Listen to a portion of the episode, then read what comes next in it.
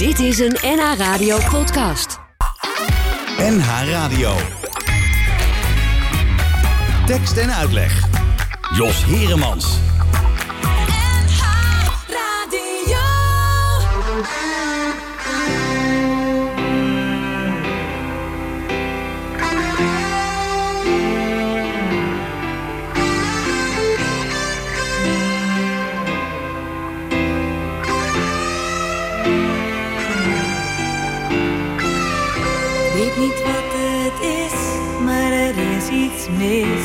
hoe zou dat komen? Liefst loop ik alleen, niemand om me heen, in mezelf te dromen.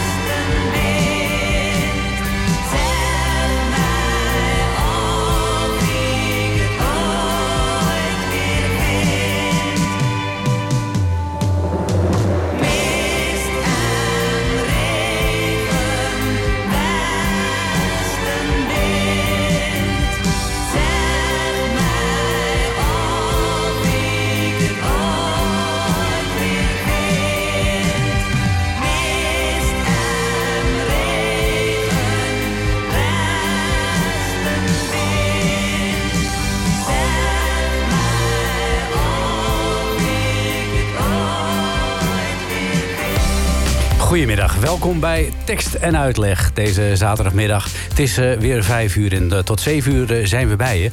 Met van zes tot zeven de mooiste liedjes die we kunnen vinden in het Nederlands. En tot zes uur is hier een gast en die gast is vanmiddag Reinier Bresser uit Uitdam. Noord-Hollandse kan het bijna niet. Hij is eh, schrijver. Hij heeft met uh, Vrije Slag het derde en uh, laatste deel van de trilogie geschreven... die hij altijd wilde schrijven.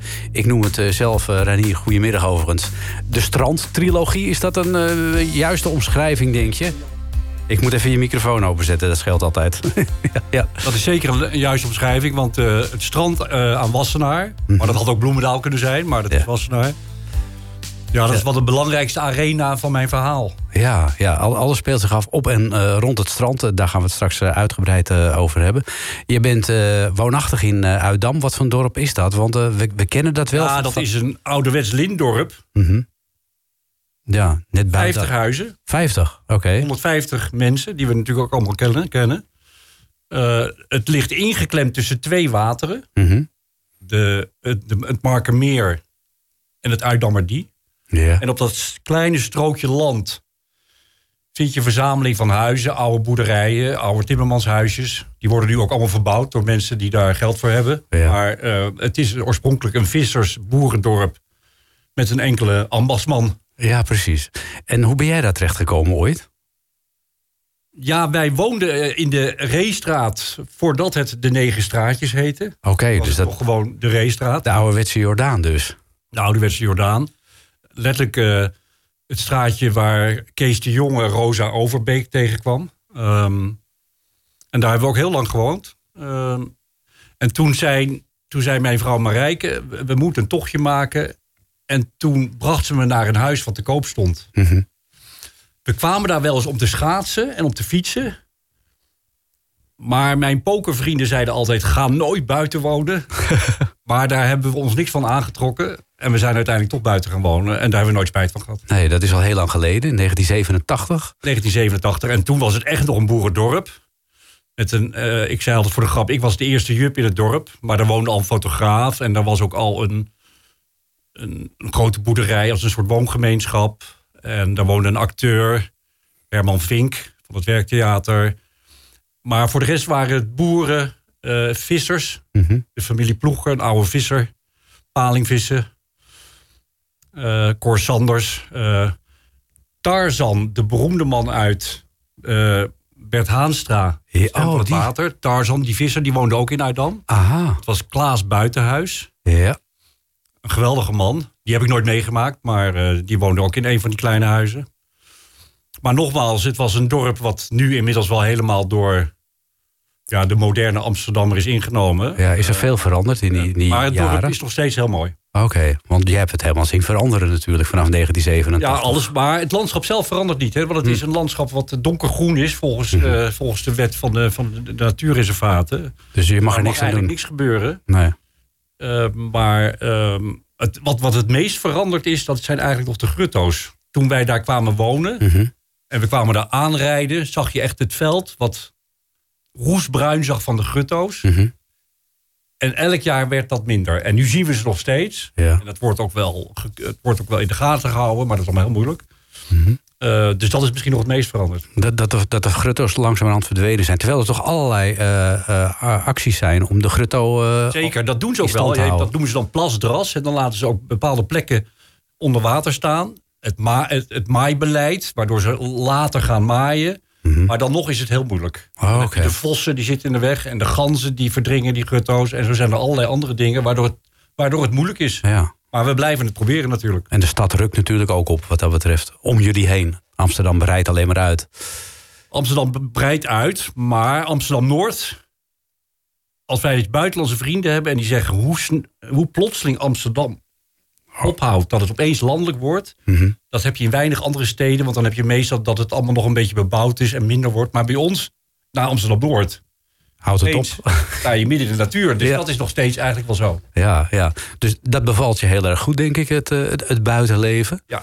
Uh, en uh, eerst in, in de stad in Amsterdam. Ben je geboren Amsterdammer? Nee, ik ben geboren in Wassenaar. Ah, Het staat ook in mijn boekje. En dan daardoor is Wassenaar en de Wassenaarse slag ook wel... Uh, ik noem het letterlijk in mijn, uh, in mijn boek Het Landschap van mijn ziel. ja. Daar ben ik geboren. Uit een gezin van tien kinderen. Oké. Was de één na jongste.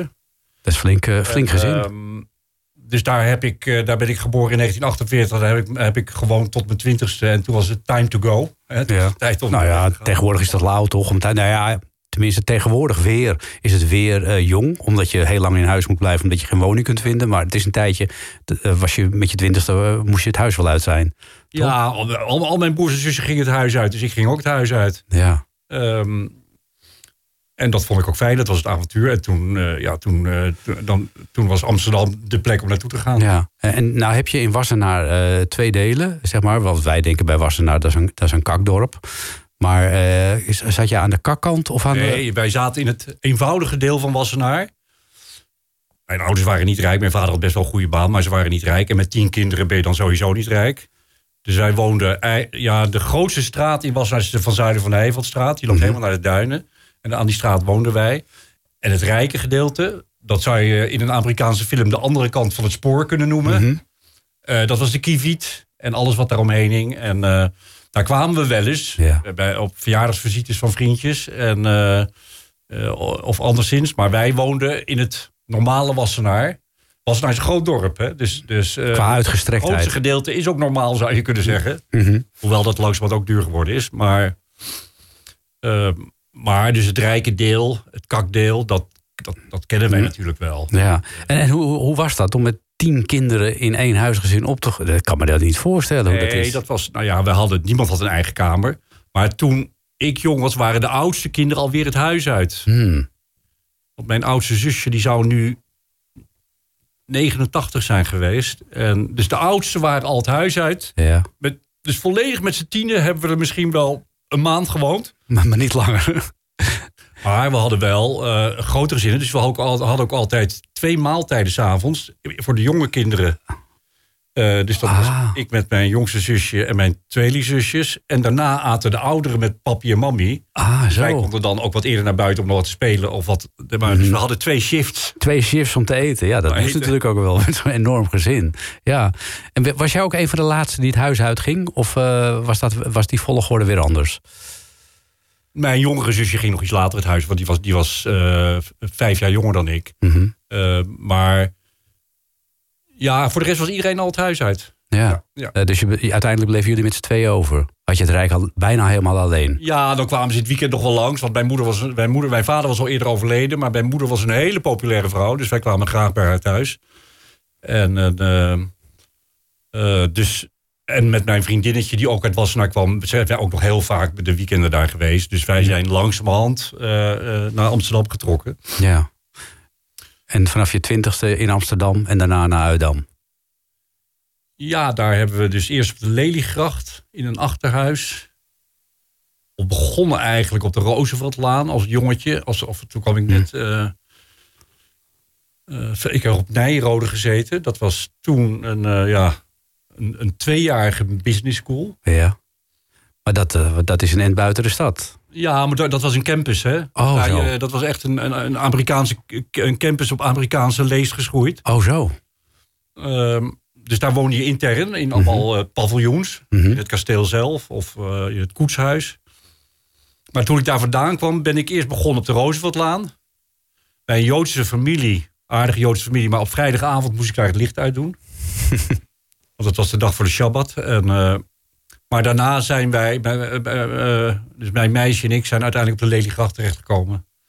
En toen naar de Reestraat. En toen werden we langzaam wat echte Amsterdamse kinderen. Ja, ja, ja. nou, dit is een mooi verhaal. Eh, dat mooie verhaal heb je voor een heel groot deel niet helemaal over jezelf, maar met een ander hoofdpersoon eh, opgeschreven in drie boeken. Daar gaan we het straks eh, uitgebreid over hebben. Het speelt allemaal rondom de zee. Dus ja, de muziek die daarbij hoort, die past daar ook wel goed bij.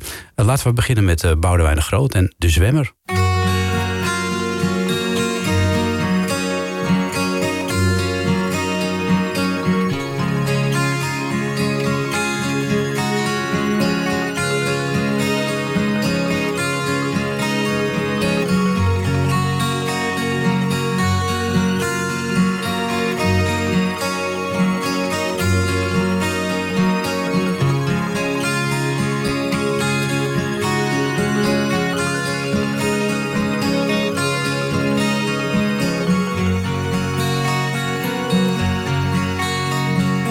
Zwemmer zwemt, hij zwemt in zee, hij zwemt weg van het strand. Maar neemt bepaalde beelden met zich mee van wat hij achterliet op het land. Hij zwemt en denkt niet aan later. Hij heeft geen last van angst of aarzeling. Boven hem lucht, water. Een zwemmer is een enkeling.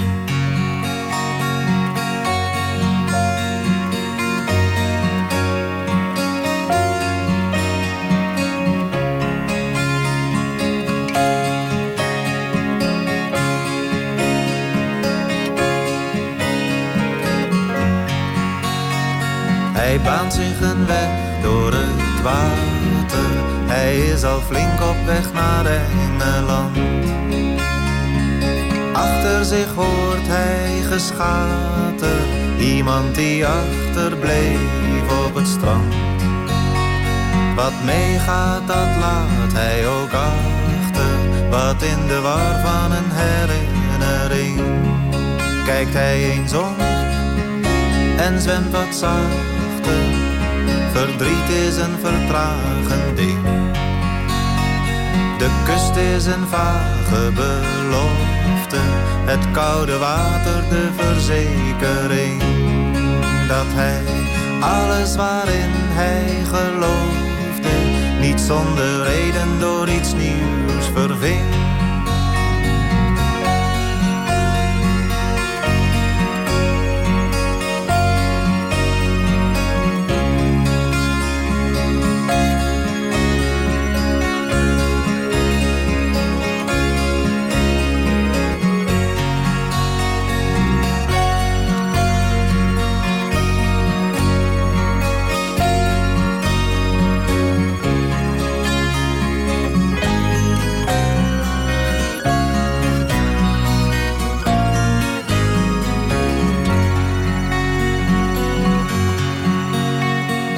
Zwemmer zwemt, hij zwemt in zee, hij zwemt weg van het strand. Maar neemt bepaalde beelden met zich mee van wat hij achterliet op het land.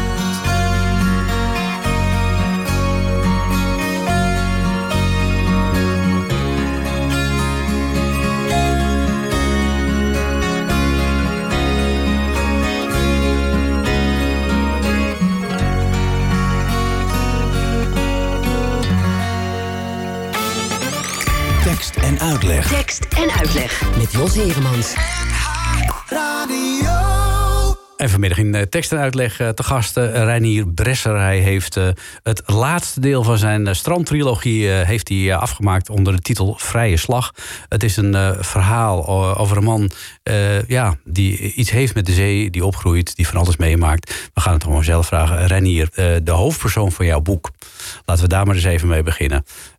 Ja, dat is toch wel, mogen we zeggen, een wat uitzonderlijke man. Zeker. Hij is trader. En trader is eigenlijk een handelaar bij een eh Londense zakenbank. Mhm. Ik heb die bank Goldstein en Kaan genoemd. Maar eigenlijk staat dat voor Goldman en Sachs.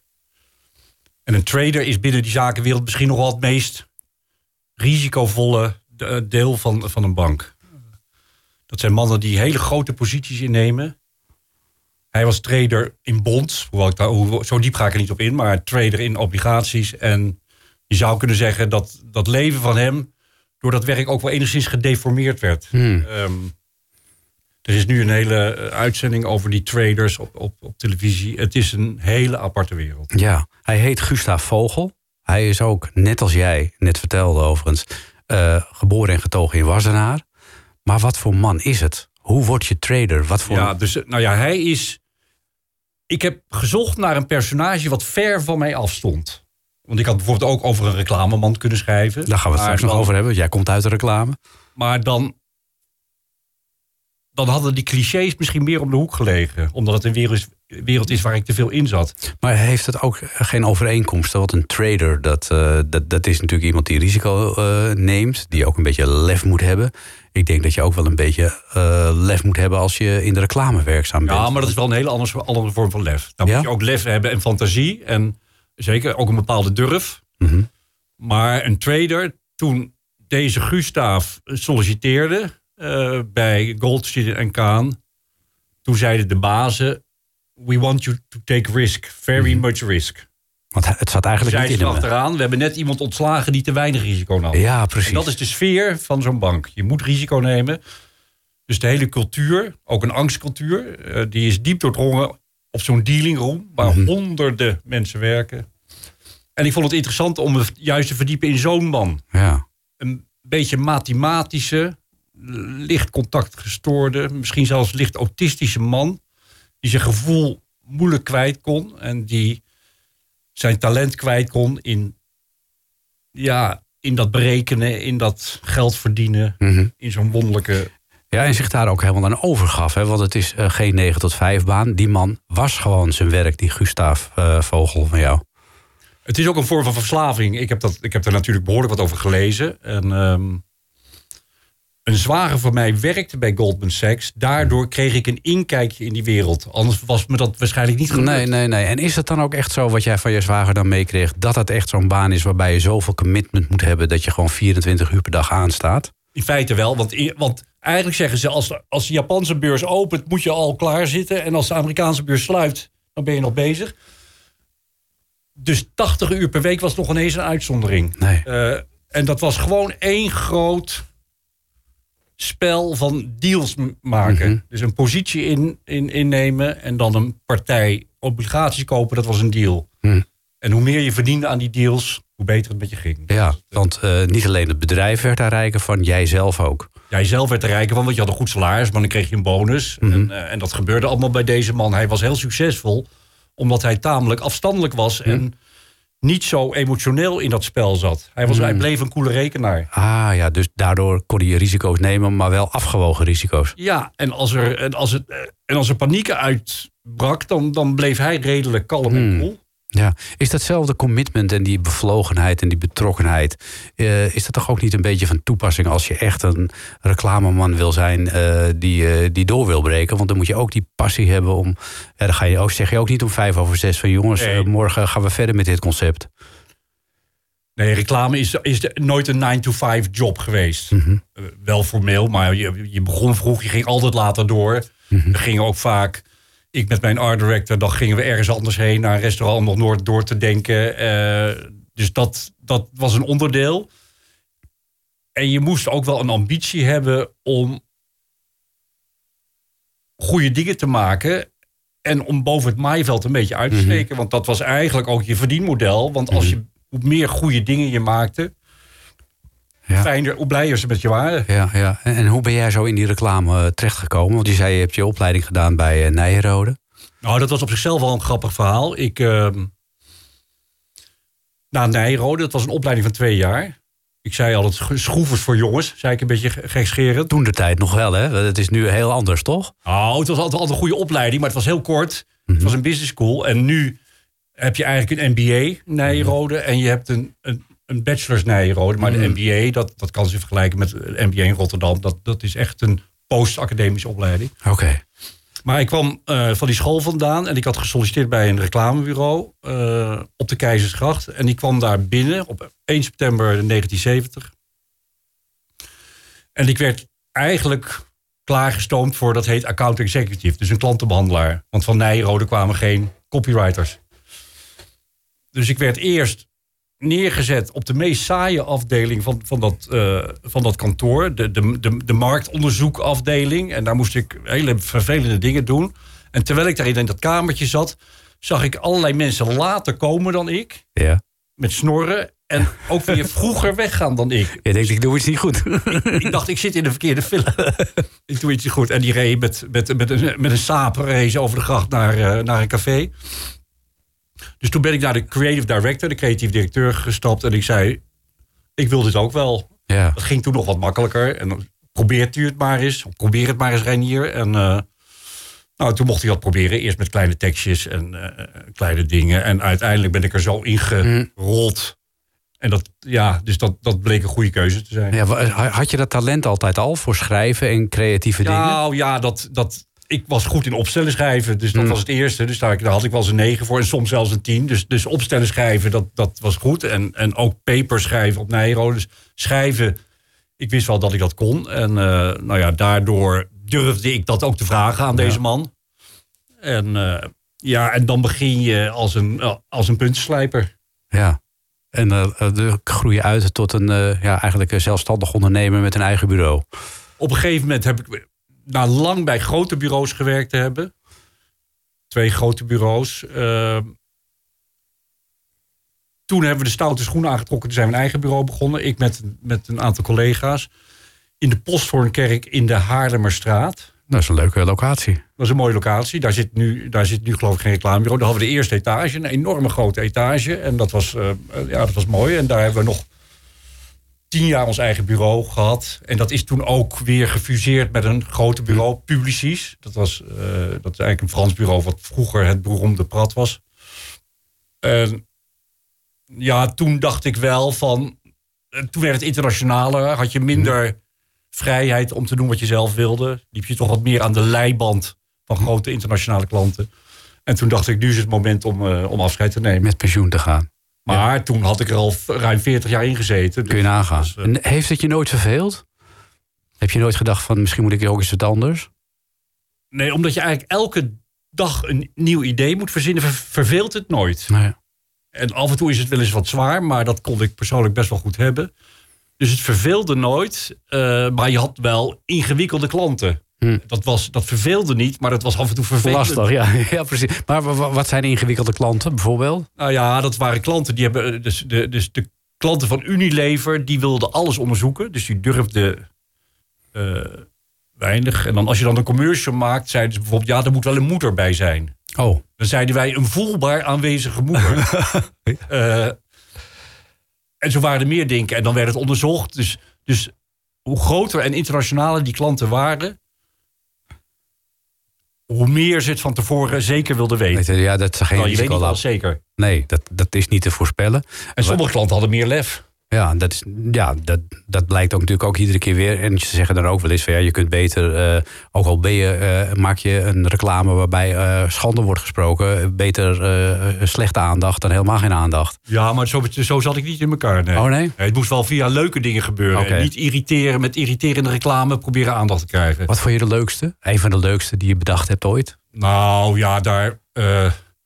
We hebben op een gegeven moment een, een commercial gemaakt voor Crodino. Ik weet niet of je dat wat zegt. Jazeker. Crodino Aperitivo non-alcoholico. Die leuke kleine flesjes. Ja, en dat was, een, een dat was eigenlijk een rip-off van Harry met Sally.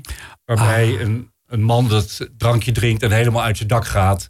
En dan een vrouw naast de bar, die wijst daarop, die wil dat ook hebben. Dus dat was ik wil niet zeggen dat dat mijn beste commercial was, maar dat was wel een commercial die de mensen onthouden hebben. Ja, precies. Ja. Nu heb jij natuurlijk uh, eigenlijk uh, ook de gouden tijden van de, de hele opkomst van de reclame meegemaakt. Uh, want toen jij daaraan begon, denk ik, stond dat nog een beetje in de kinderschoenen. Nou, in de kinderschoenen niet. Maar er is wel heel veel veranderd. wat voor ons de belangrijkste verandering was, en dat, dat waaide over uit Amerika daar had een man besloten van het beroemde bureau uh, Doyle, Dane en Burnback om een copywriter en een art director, dus een tekstschrijver en mm ontwerper, samen op een kamer te zetten. Hm. Omdat één en één dan geen twee is, maar drie. Dus de, de, laten we zeggen, de synthese van vorm en inhoud werkte veel beter als je die twee mensen op een kamer zette. Mhm. En dat werd vanaf dat moment bij alle bureaus toegepast. Dus ik heb 40 jaar met dezelfde art director. Echt waar? Dat was, dat was belangrijker dan een huwelijk. Daar heb ik nog steeds veel contact mee. Um, op een kamer gezeten. Bijzonder. Met je benen op het bureau en proberen ideeën te verzinnen. Nou, lijkt me een heerlijke baan. Nou ja, het is, het is het, nou, daardoor verveelt het ook niet. Nee, dat kan ik me voorstellen. Uh, we moeten ook niet vergeten om het over je boek te hebben. Dat gaan we zo dadelijk doen. Uh, want uh, er staan heel veel mooie passages in. Het is een bijzonder interessante persoon ook, die Gustav Vogel... die, die we eigenlijk gedurende zijn leven volgen. En wat hij allemaal meemaakt, daar gaan we het zo dadelijk over hebben. We laten ons eerst even naar de zee brengen door Susie Dexter.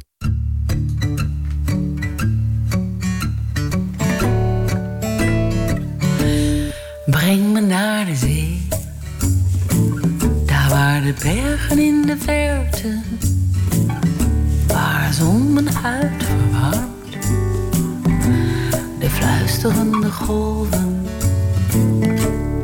Breng me naar de zee, daar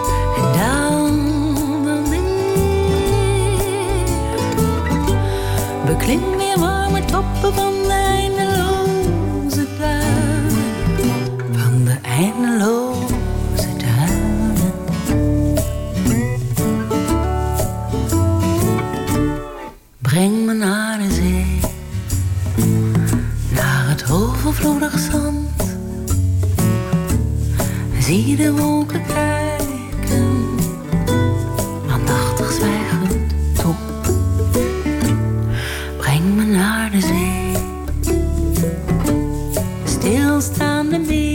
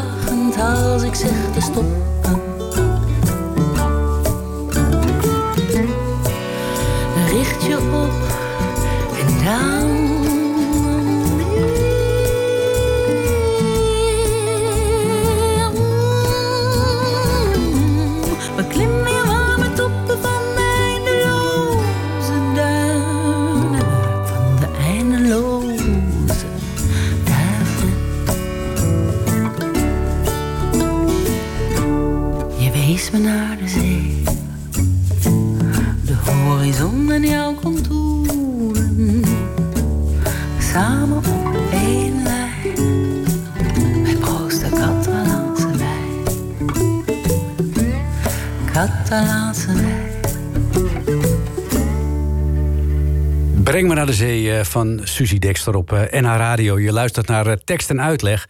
Eh, In tekst en uitleg eh, vanmiddag de gast eh, Reinier Bresser. Drie boeken heeft hij geschreven die een trilogie vormen. Loszand, Strandvogel. En eh, sinds kort is ook eh, Vrije Slag uit. En dat is het eh, laatste deel. Met in ja, de hoofdrol de persoon Gustav Vogel. Iemand die ja, zijn vermogen bijeengaart op, de, mogen we wel zeggen, de, hoe, hoe noemen we het? De dealing room. In de dealing, room van, van een zakenbank. van de zakenbank. Verder een wat gereserveerde en eh, toch wel bijzondere man. Op wie heb je hem geënt, eh Reinier, deze Gustav Vogel? Of heb je hem helemaal verzonnen? Ik heb hem verzonnen, maar ik heb hem wel geënt op mensen die je tegen bent gekomen. Mhm. Ehm, ik heb veel voor banken gewerkt, ook Mees Pierson, eh, een, een zakenbank. En daar kwam je wel eens mensen tegen, gereserveerd, licht onhandig. Met niet zo'n goede contactuele eigenschappen. En da- dat waren allemaal inspiratiebronnen voor deze Gustav Vogel. Oké. Gustav Vogel groeit ook op, net als jij, in Wassenaar. Ehm, daar heb je, denk ik, heel bewust voor gekozen. Om ook eh, voldoende eh, inspiratie te halen uit eh, de ervaringen die je zelf had uit je jeugd, waarschijnlijk. Zeker.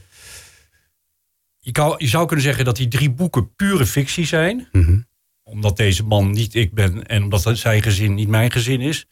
En omdat zijn beroep niet het mijne is. Maar om fictie eh, grond onder de voeten te geven, moet je dingen erin brengen die geen fictie zijn. Mhm. En Wassenaar als plaats en, en het strand als arena helpen, hel- hielpen mij enorm om, eh, om het verhaal een, een soort waarachtigheid te geven. Ja. Omdat dat niet verzonnen was. Nee, en een jochie, eh, eh, die Gustav, toen hij jochie was althans... die veel eh, do- tijd doorbracht eh, aan het strand ook. Ook met strandtent-eigenaren. Eh, was, was jij ook zo'n jochie dat je altijd op strand kon vinden in de zomer? Omdat wij een groot gezin hadden, gingen wij nooit op vakantie. Dus de Wassenaarse Slag was ons vakantie, onze vakantieplek voor iedereen. En de Wassenaarse Slag, dat is eigenlijk nog steeds zo... is een tamelijk ouderwets strandgebied... met de- naar, richting Katwijk vier paviljoens... en richting Scheveningen één paviljoen. En dat paviljoen heet nu eh, Sport... maar toen ik jong was heette dat Moree. Dat was toen overigens iets verder richting Scheveningen. En daar woonden wij min of meer. En ik woonde daar letterlijk, want twee van mijn klasgenoten...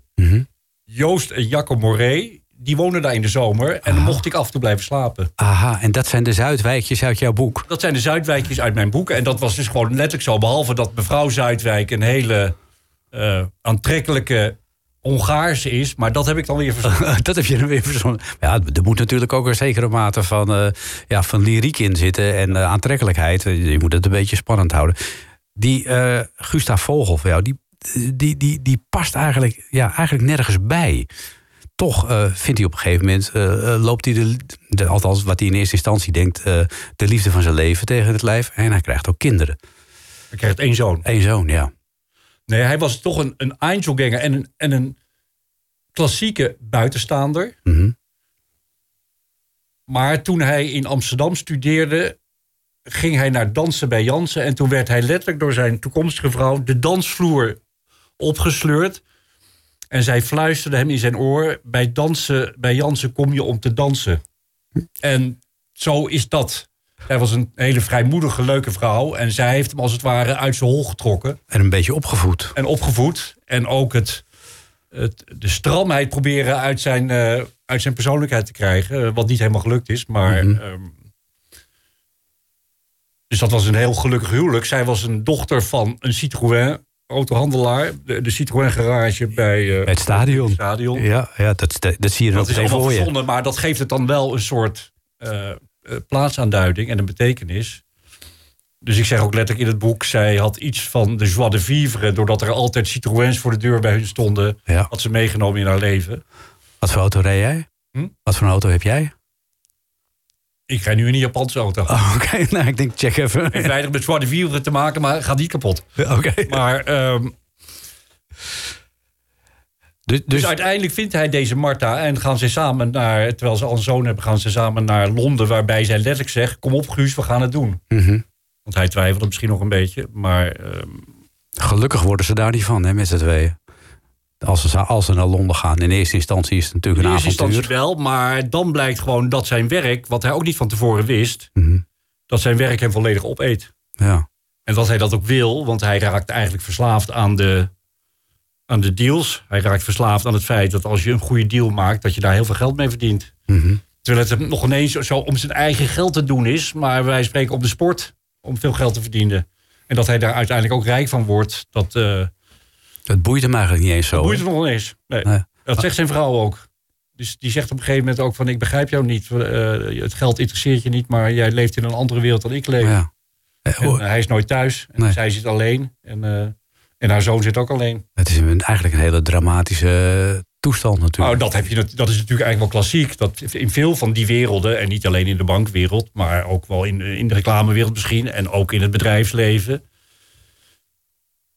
dat zeker vroeger... nu is die zogenaamde work-life balance... is Mhm. Ja, bij dat alle is- mannen ook aanwezig, Ja. gelukkig. En eh, bij de vrouwen ook. Maar vroeger was dat niet zo. Dus daar Ja. we overwerken... Toen ik jong was ook, bij de, de mannen bij ons op het reclamebureau gingen pas om tien uur weg. Ja. Hoe heb jij dat zelf opgelost? Want jouw vrouw eh Marijke, die leidt ook een redelijk zelfstandig bestaan. Die is danseres geweest, daarna fotograaf en filmmaker. Dus En je- zij vloog ook stand-by bij de KLM, dus zij was veel op pad. Oké, Stand-by was toen, toen, toen zij begon, werd dat uitgevonden. Dus toen kon ze eigenlijk zelf vliegen wanneer ze wilde. Maar ja, toen werkte ik ook veel over. maar je moet even zeggen, eh, vloog eh, als, eh als... Stewardess. Oh ja, nee, Stewardess. Oké. Wij- dat zeiden wij, ze vloog bij de KLM. Ja, ja. Ja. maar Jullie hebben dat... nee, dus, maar wij hebben relatief laat kinderen gekregen. Mhm. En dat was, dat, dat was een soort blessing in disguise. Want daardoor waren we toch een beetje uitgeraasd. Dus toen wij in Uitdam kwamen wonen, toen hebben wij, eh, toen hebben wij twee, eh, twee zoons gekregen. En toen was, er, toen was er voor mij al veel meer een rust en regelmaat in mijn leven gekomen. waren Waardoor de wilde haren er al een beetje af. uitliep Ja. en zei, jongens, ik moet naar huis, want Ja. ik moet eh, de kinderen eten geven. Ja, ja. Rode draad in alle drie jouw boeken is een zusje. Ja. Eigenlijk zou je kunnen zeggen dat het, eh, het thema is de, de teleurgang van de relatie tussen broer en zus. Mhm. En dat is eigenlijk een heel klassiek thema, want dat zie je, dat zie je om je heen heel veel. Niet in mijn eigen familie. Mhm. Dat was een hele rijke en eh, hechte familie. Maar om me heen zag ik dat wel. Dat eh, een vriend van mij zei, ja, ik zie mijn zusje nooit. Hm. Of een vriendin zei, nou, ik heb eigenlijk helemaal geen contact meer met mijn broer. Dat vond ik een interessant idee. Maar dat moest een dramatische eh, grondslag krijgen om dat meer te laten zijn. En op een gegeven moment verdrinkt zijn zusje. En dat, dat zou je kunnen zeggen, dat is het keerpunt in zijn leven. Ja. Eh, je zegt het al, het is een, eh, ja, niet iedereen gaat op dezelfde manier eh, met, zijn, eh, met zijn zusje of met zijn broer om. Daar zit, er- dat is ook een dramatische ontwikkeling. Ehm, een tijdje geleden, dat is al, ik denk al een jaar of acht, negen geleden, waren Casper van Koten en Bertolf een keer te gast in een programma wat ik presenteerde. En die zongen live een nummer. En dat is zo ontzettend toepassing op, op jouw boek. Dat ga ik nu even laten horen. Het nummer heet ook. Zusje,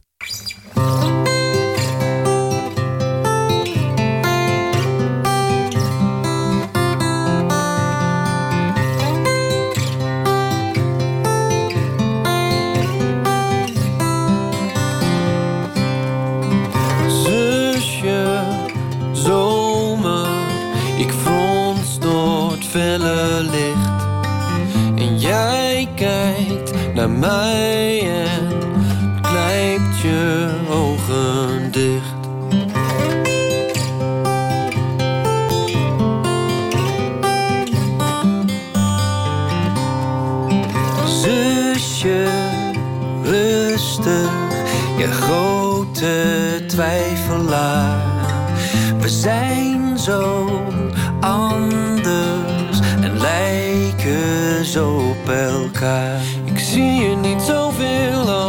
ik wel zou willen. En er is nog veel te veel wat ik niet van je weet.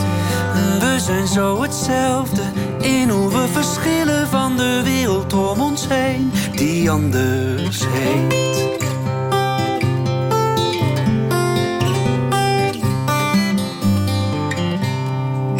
Zusje, blijf maar, ik loop je tegemoet.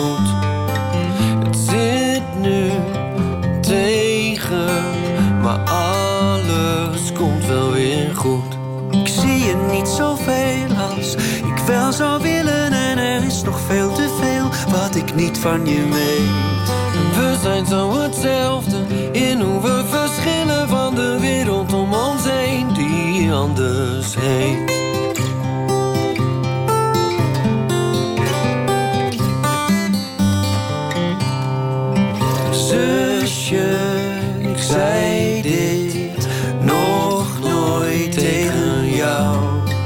Te nuchter, maar je weet toch hoeveel ik van je hou. Hoeveel ik van je hou. Zusje. mm, mm. Tekst en uitleg. En in tekst en uitleg vanmiddag de gasten Reinier Bresser. Hij schreef met Los Zand, Strandvogel en Vrije Slag een trilogie... eh, over het leven van eh Gustaaf Vogel. En we waren aanbeland eh, bij het deel van het boek... waarin het zusje van Gustaaf overlijdt, want ze verdrinkt. En dan, ja, gedurende alle drie de boeken eigenlijk, eh Reinier... vragen wij ons af wat daar nou precies gebeurd is heeft hij zelf ervoor gekozen om in zee te verdwijnen? Of eh, is hij eh, ja, eh, ten onder gegaan door een mui of iets dergelijks? Daar geef je eigenlijk geen antwoord op. Nee, nee, nee. Ehm, het vermoeden is sterk dat zij tijdens het zwemmen in zee, dan heb je af en toe last van muien, dat is een onderstroom, die heel gevaarlijk is. Eh, en als je heel goed kan zwemmen, dan laat je je daardoor meedrijven, waardoor je eruit komt. En zij kon heel goed zwemmen, ze had vijf zwemdiploma's. Dus Gustav kon zich nauwelijks voorstellen dat ze verdronken was. Dus eh, zijn conclusie was, gebaseerd ook op gevoel en, en, en, en ook een onderstroom van gevoelens, dat, eh, dat, zij, dat zij zich willens en wetens heeft laten meeslepen door die muien. Maar dat, dat vermoedt uiteindelijk ook zijn vader, Ja. maar dat, wordt nooit bekendgemaakt. Nee. Je zou bijna denken dat je zelf ook zoiets hebt meegemaakt. Nou, ik heb een aantal dingen meegemaakt. Ehm, de dochter van een collega van mij uit de reclame, al jaren geleden, die dochter heeft op een gegeven moment zelfmoord gepleegd en is in zee gelopen. Mhm. en een goede vriend van mij is in zee verdronken bij Parnassia. Jee.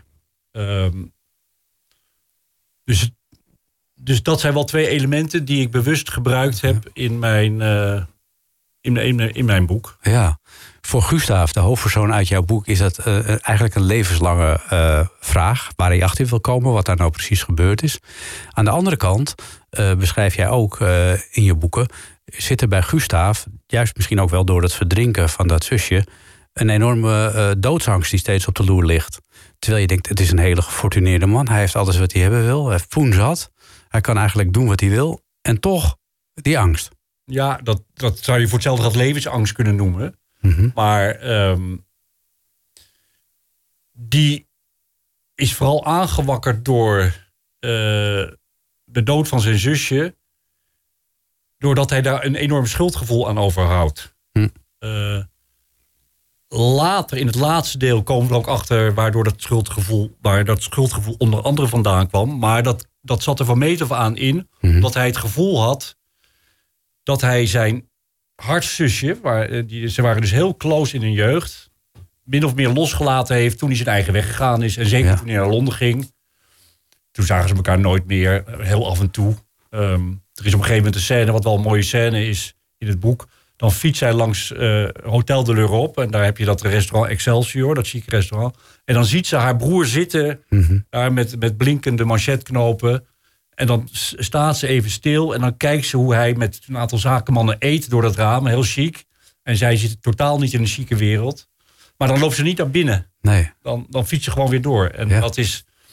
Ja, dat is bijna een, symbolische scène voor de afstand die er Is, ja, twee, dat ze eigenlijk in twee verschillende werelden wereld leven. Letterlijk in twee verschillende werelden. En zij, met name vanuit haar, beschrijf je ook heel erg dat zij wel heel veel eh, behoefte had om die, eh, ja, om, om die samensmelting weer tot stand te brengen tussen Zeker. de twee. zij, eh, ja, ze waren, zo, ze waren heel close. Je zou kunnen zeggen, ook dat beschrijf ik in het boek, dat zij, omdat ze in een gevoelsarme eh, familie opgroeiden, zowel die vader als moeder, die hadden het daar nooit over, was hun relatie een soort schuilplaats in hun leven. Dus, Ja. en, dat, en die schuilplaats was voor haar nog belangrijker dan voor hem. Ja. Dus toen hij vertrok, was zij, en eigenlijk ook al door, de, door een gebeurtenis eh, tijdens een vakantie, was zij die schuilplaats kwijt. ja, wat die gebeurtenis is. groeiden Dat, ze uit elkaar. ja, ja, dat verklappen we nog even niet. Maar het Nee. heeft natuurlijk met het ontdekken van, je, van jezelf te maken en van je eigen leven. Eh, we gaan zo dadelijk eh, gaan we afronden eh, in die zin dat we het ook even gaan hebben over. ja, daar kunnen we nog even rustig over nadenken. Is Gustav uiteindelijk een gelukkig man geworden? Maar eerst, eh, ik wil alleen maar zwemmen van Spinvis.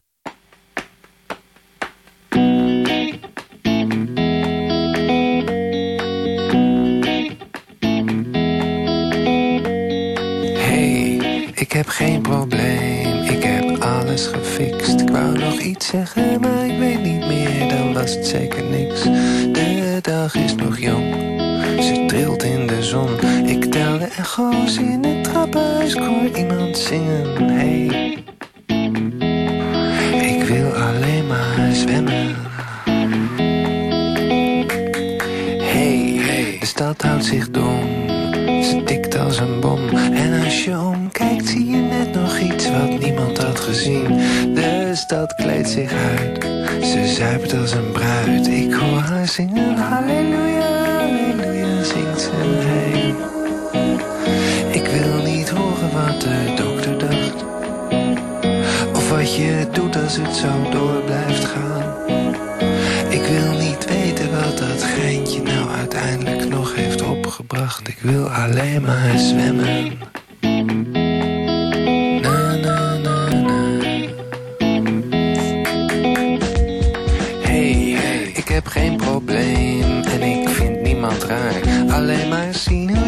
Trap oploopt. Ik zit simpel in elkaar. Een man in de straat zegt: Het is nooit te laat. Ik ben wel geen soldaat, maar ik weet hoe je een trekker overhaalt. Hey, ik kan niet vechten en ik wil het niet. Ik hoef niks te eten, ik heb geen antwoord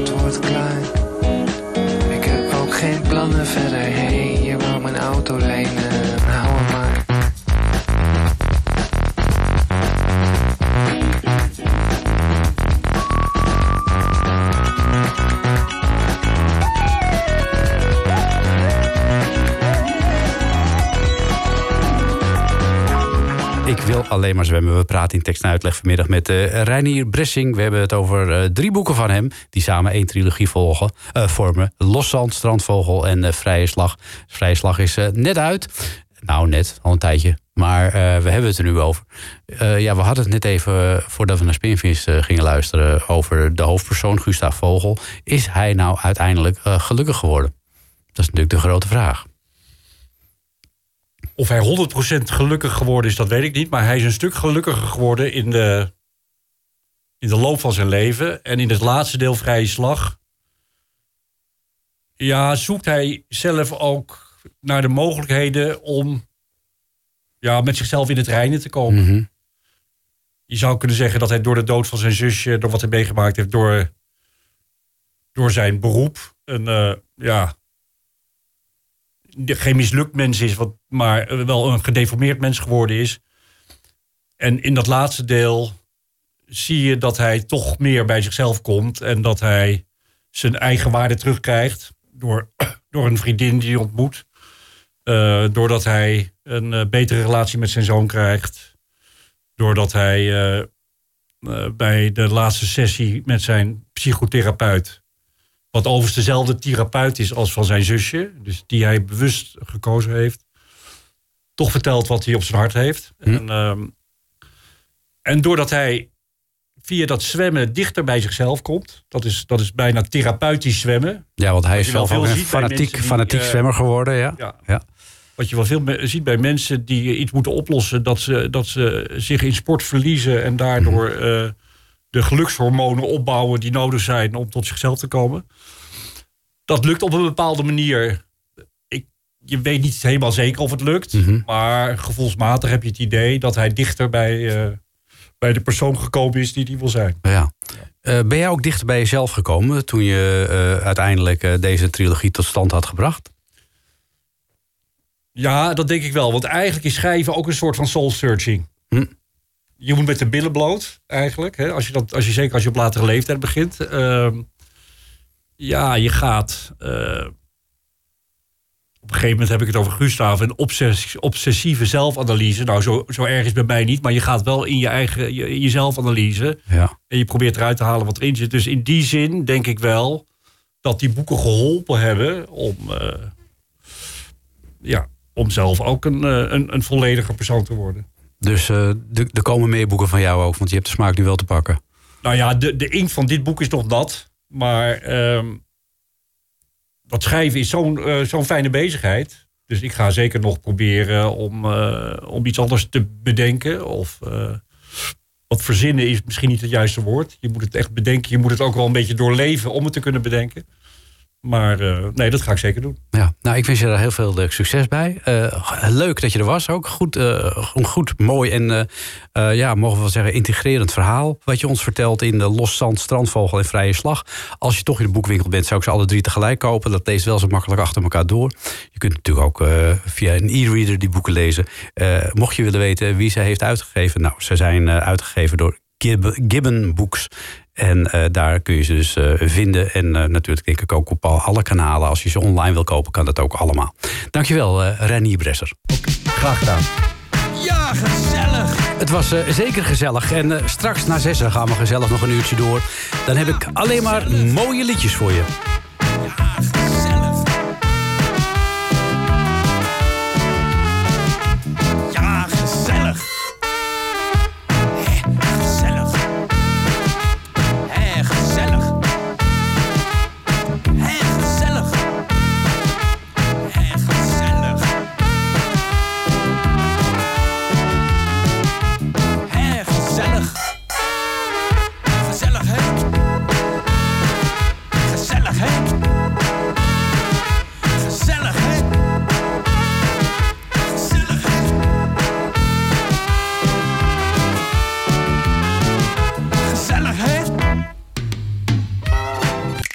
Dit was een NH Radio podcast. Voor meer, ga naar nhradio.nl.